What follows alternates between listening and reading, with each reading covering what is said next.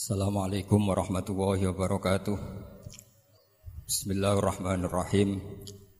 Tabarakalladzi nazzala al-furqana ala 'abdihi liyakuna lil 'alamin nadhira. Allahumma shalli wa sallim ala sayyidina Maulana Muhammadin wa ala alihi wa sahbihi asma'in amma ba'du. Qudwatuna al-jami' fi'lan wa qawlan wa hala. Syekhuna al-faqih al-mufassir ya Jimaman Zubair Syekhuna Ki Haji Abdul Wahab, Syekhuna Ki Haji Muhammad Najih dan semua ahlu baiti Syekhina yang kita hormati, teman-teman Anwar yang kami cintai. Uh, sebelumnya saya mohon maaf karena saya harus di atas padahal kita ini fitop kotin wahidah sama-sama tahta Syekhin Wahid, tahta Murabbin Wahid yaitu Syekhina Ki Haji Maimun Zubair. Dari sisi itu saya minta maaf dari sisi yang lain jenengan harus minta maaf saya karena ini bully saya ini. Artinya bully itu kesannya di atas tapi ini makmur, diperintah, diatur. Jenengan al-amirun atau al-amir jenengan pemerintah. Jadi dari sisi ini jenengan keren ya ngatur-ngatur saya. Uh, tapi begini, sengaja saya tidak bawa makalah tahun kemarin juga tidak bawa makalah karena saya datang saya matur ke ketika beliau minta saya datang Gue saya datang tapi tidak sebagai narasumber ya seperti umumnya santri alumni. Jadi ya saya datang saja karena ada tugas memberi orasi ilmiah, kita mulai. Begini.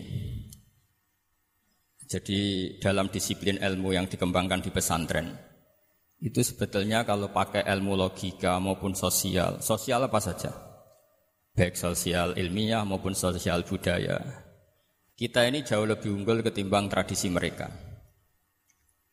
Misalnya begini, dulu di era Umar bin Abdul Aziz, ada yang memberi gelar Khamisul Khulafa. Ini yang dikutip Mizan Kubro, Imam Sa'roni. Beliau ngendikan begini. Idza ra'aitum jama'atan yatana jawna sirron fi ma bainahum fi ma bainahum fi amri dinihim. Itu fasyadu anna dzalika dhalalun wa bid'atun.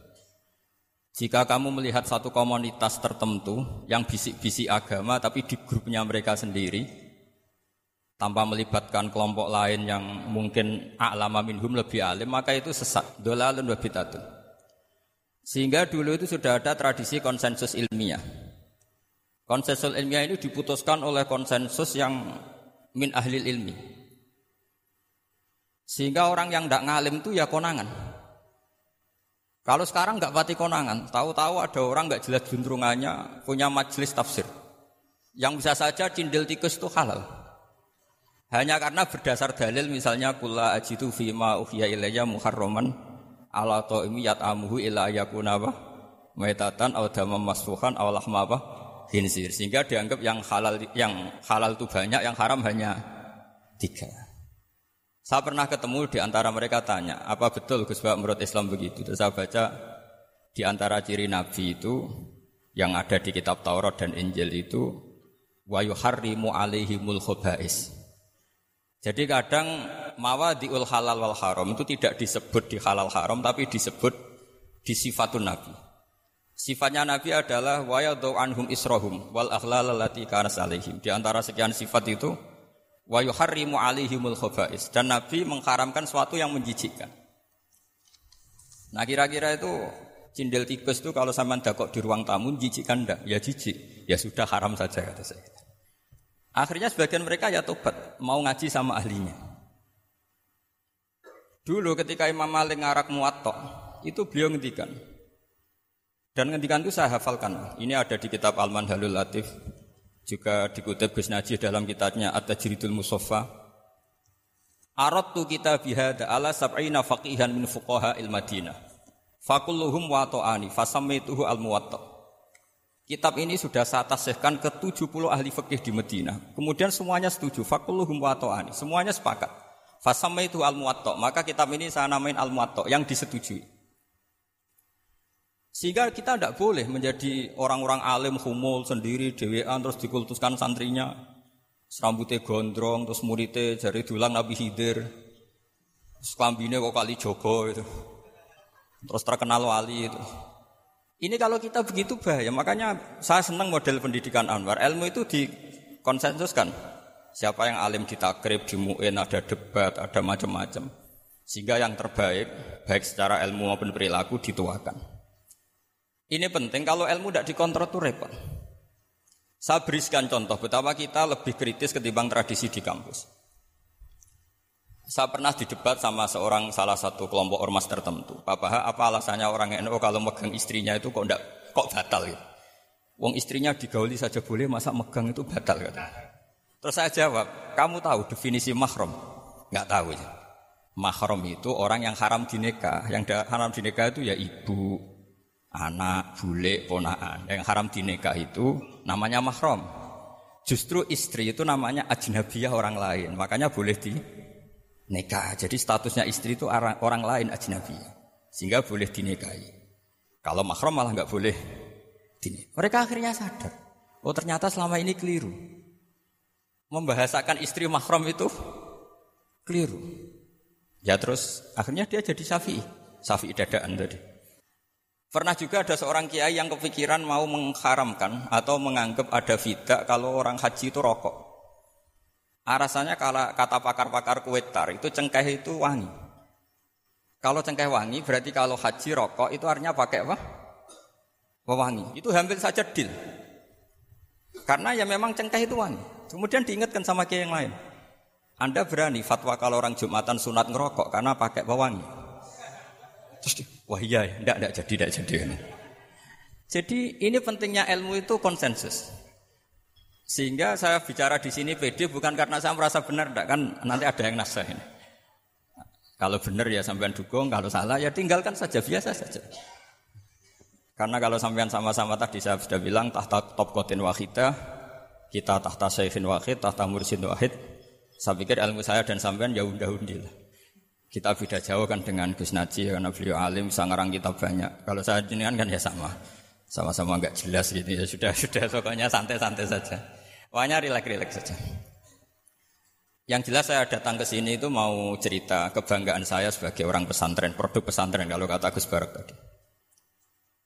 Di kampus itu saya berkali-kali ketemu dokter, profesor, dan mereka umumnya itu orang-orang yang galau, yang gelisah. Dan lucunya itu mereka memposisikan saya sebagai penasihat. Karena apa? Memang ilmu pesantren itu unik. Ilmu yang bisa menjawab problem apa saja. Mereka misalnya tanya begini, Pak Bahak, saya ini orang kampung, yang bapak saya itu utun kan, utun itu lugu. Bisa menjadikan saya doktor, saya jadi dekan, saya jadi rektor. Tapi setelah di kota, dengan sekian ilmu yang saya pelajari dari Eropa, dari Amerika, sekedar anak saya tidak narkoba itu sudah susah. Kok ranking? Nggak dengar anak saya ditangkap BNN itu sudah seneng saya.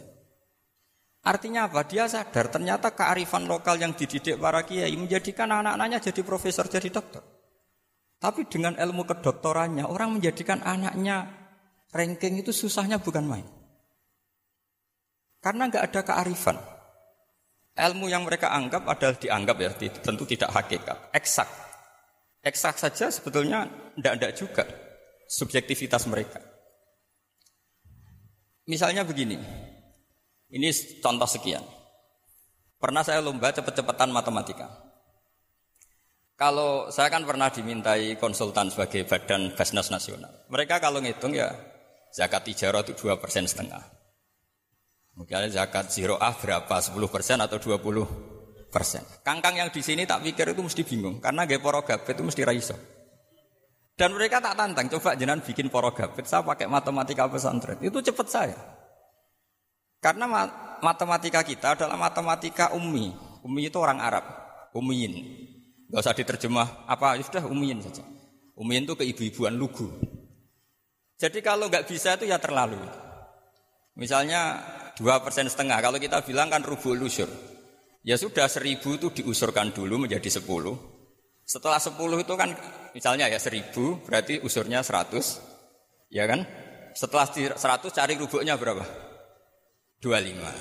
Berarti setiap satu juta dua persen setengah adalah dua lima. Mereka masih garap porogabit, saya sudah cepat. Seribu, usurnya seratus, rubuknya dua lima. Namanya rubuul usur. Begitu juga misalnya kita punya aset seratus, nisful usur, usurnya sepuluh, nisfunya berarti lima.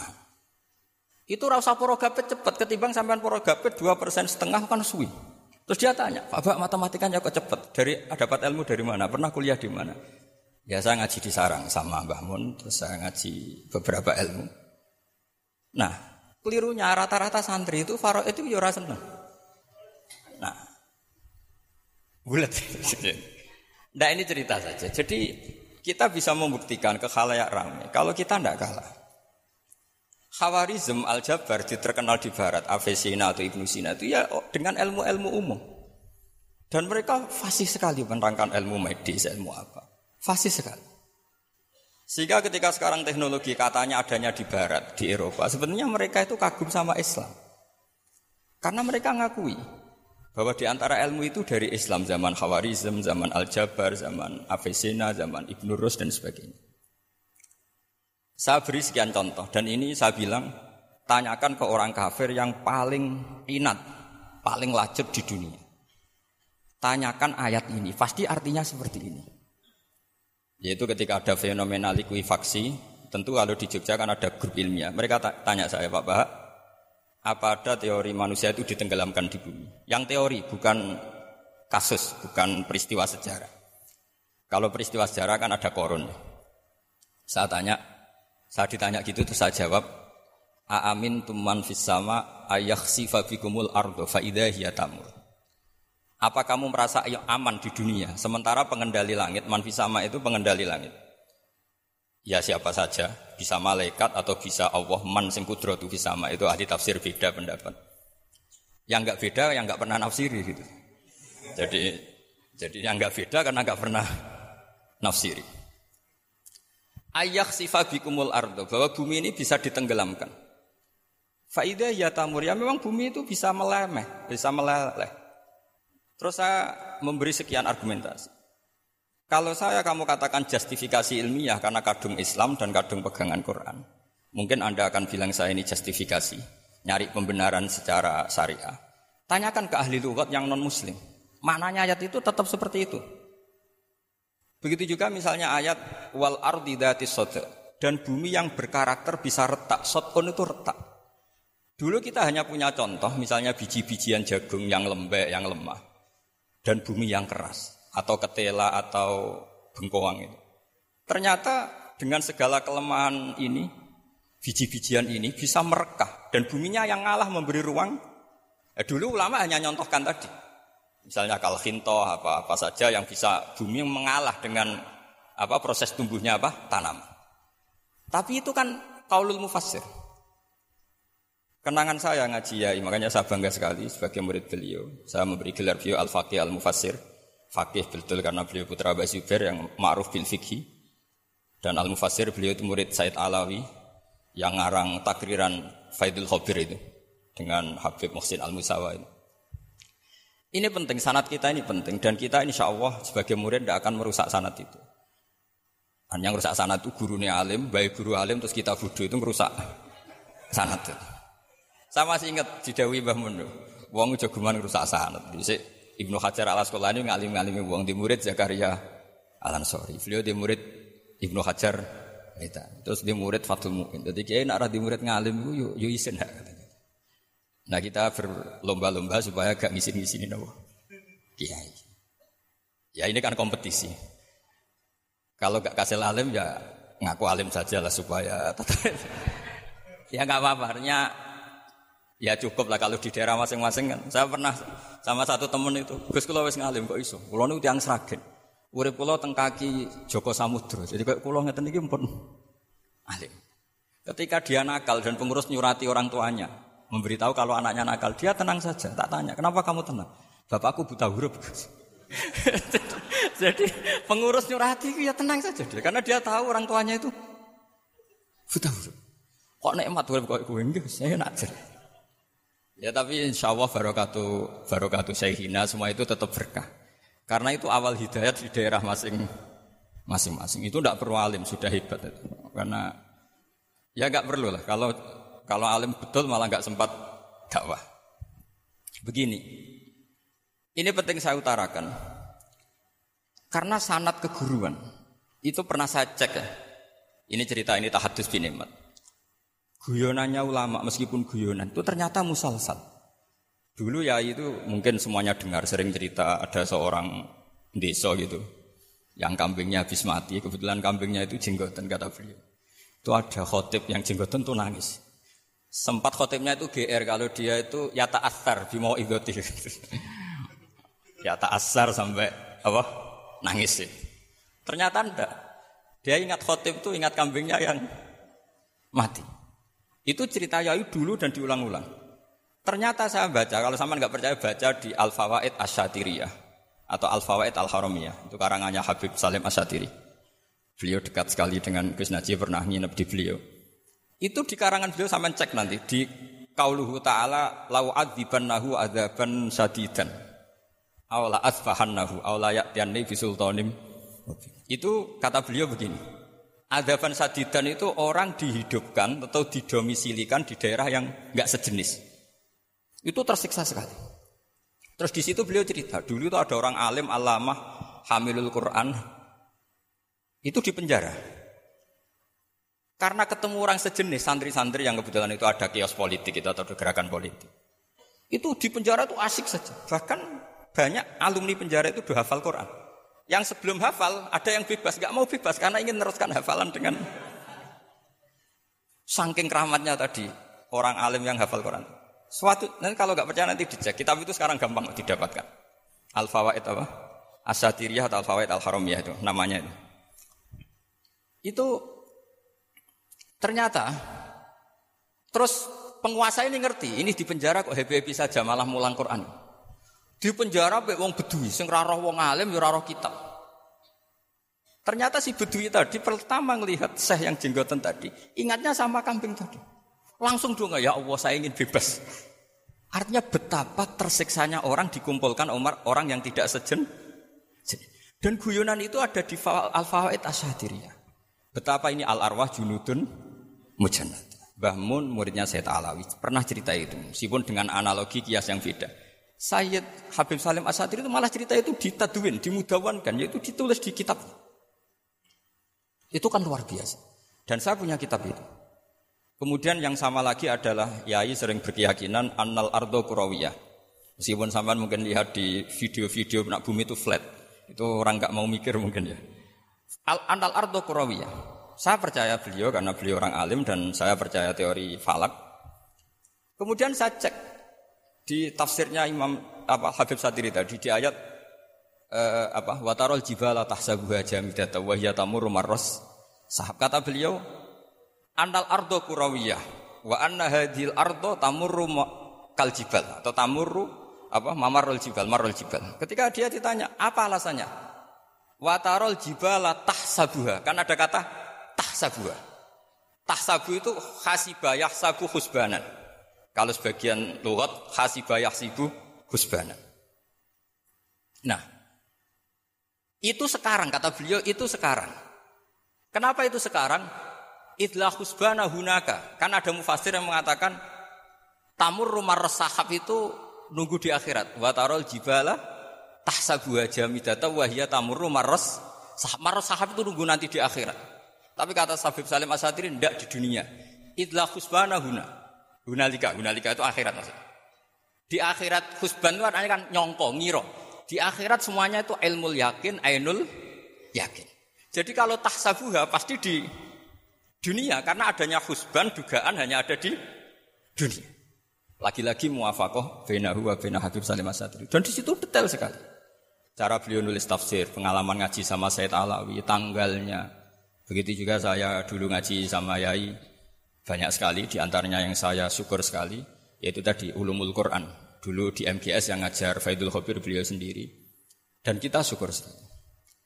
Jadi ini pengalaman-pengalaman kita sebagai murid, sebagai penerus. Terus ketiga begini, ciri khas samahah atau samahan. Ini saya meskipun tidak bawa makalah, saya ini baca sekian takbir. Kenapa guru-guru kita di Indonesia itu menghindari tema-tema ekstrim atau tema-tema keras? Saya pikir di sini masyur sekali, beliau sering ngendikan zada khusyuan, zada jalan. Kita hanya nirukan saja tapi tidak ikut menfonis. Karena kalau kita serius, terlalu serius, ngendikan hukum-hukum yang serius, Nanti kejadiannya begini, ini saya baca takbir. Ini dari kitab Ibnul Qayyim di I'lamul Muwakki'in an Alamin. Dan dari kitab Nasaihul Ibad. Ketika lesan dihisap sama Allah Ta'ala dan mendapatkan azab yang paling tinggi dibanding jawareh yang lain, itu ketika lesan menanyakan sama Allah, kenapa ya Allah saya punya adab yang begitu ekstrim? Jawabannya Allah, kharajat minka kalimatun balagot masyarikal ardi wa magharibaha fasufikat biha damul haram wa ukhidha biha al malul haram wa tuhika biha al farjul haram. Jadi kalau fatwa serius menjadi ekstremis, apalagi fatwa-fatwa tentang keos, tentang apa itu nanti resikonya itu ada safkudima dan itu hal yang dari ulama dulu. Kamu jangan pernah fatwa dengan meluncurkan satu kalimat yang dengan kalimat itu bisa saja sufika biha adamul haram. Orang-orang yang nggak perlu mati harus terbunuh dan sebagainya dan sebagainya. Kalau dalam Nasaihul Ibad redaksinya adalah kharajat minka kalimatun balagot masyarikal ardi wa maghariba. Ini kalau di kitab Ibnul Qayyim redaksinya itu ada seorang ulama yang ngeluh ketika habis ngajar Al-Hudud. Ha anadha kata beliau, yuta'allamu minni ma tudrabu bihir riqab wa tuta'u bihil furuj wa tu'khadu bihil hukum. Jadi sehingga dengan tradisi ulama kabiron angkabirin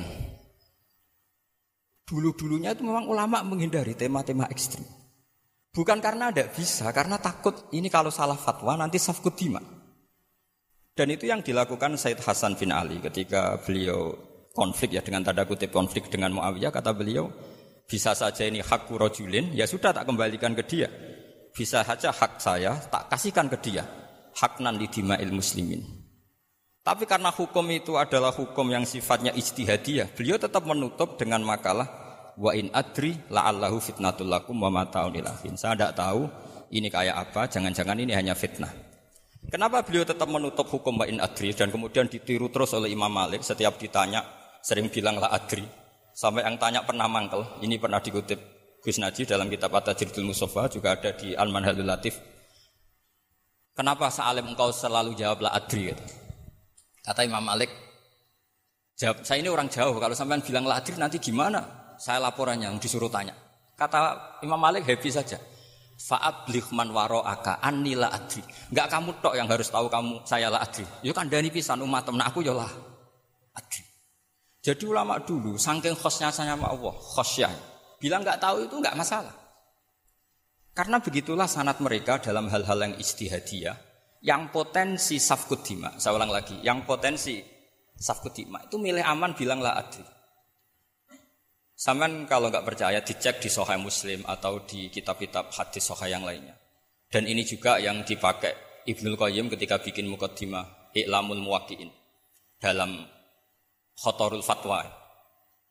Ada seorang namanya itu Buraidah. Buraidah itu Amirul Jaz itu setiap mau perang atau punya MOU dengan kelompok lain, kata Rasulullah, jika mereka menginginkan kamu, ala antun zilahum ala hukmillah wa ala hukmi rasulillah, falatun zilhum ala hukmillah wa ala hukmi rasulillah. Ada redaksi yang fi dhimatillah fi dhimati rasulillah. Walakin anzilhum ala hukmi. Posisikan bahwa MOU itu atas nama kesepakatan kamu dan mereka. Fa inna kala tadri atau sibah hukmawahi amla. Karena kamu tidak tahu apa kamu persis sebagaimana hukum wah pandang.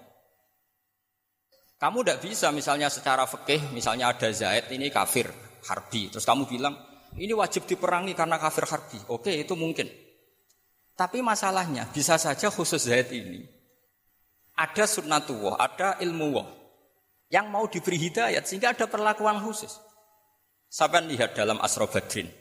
Itu yang ketangkap di Asro Badrin itu kan semuanya kafir harbi.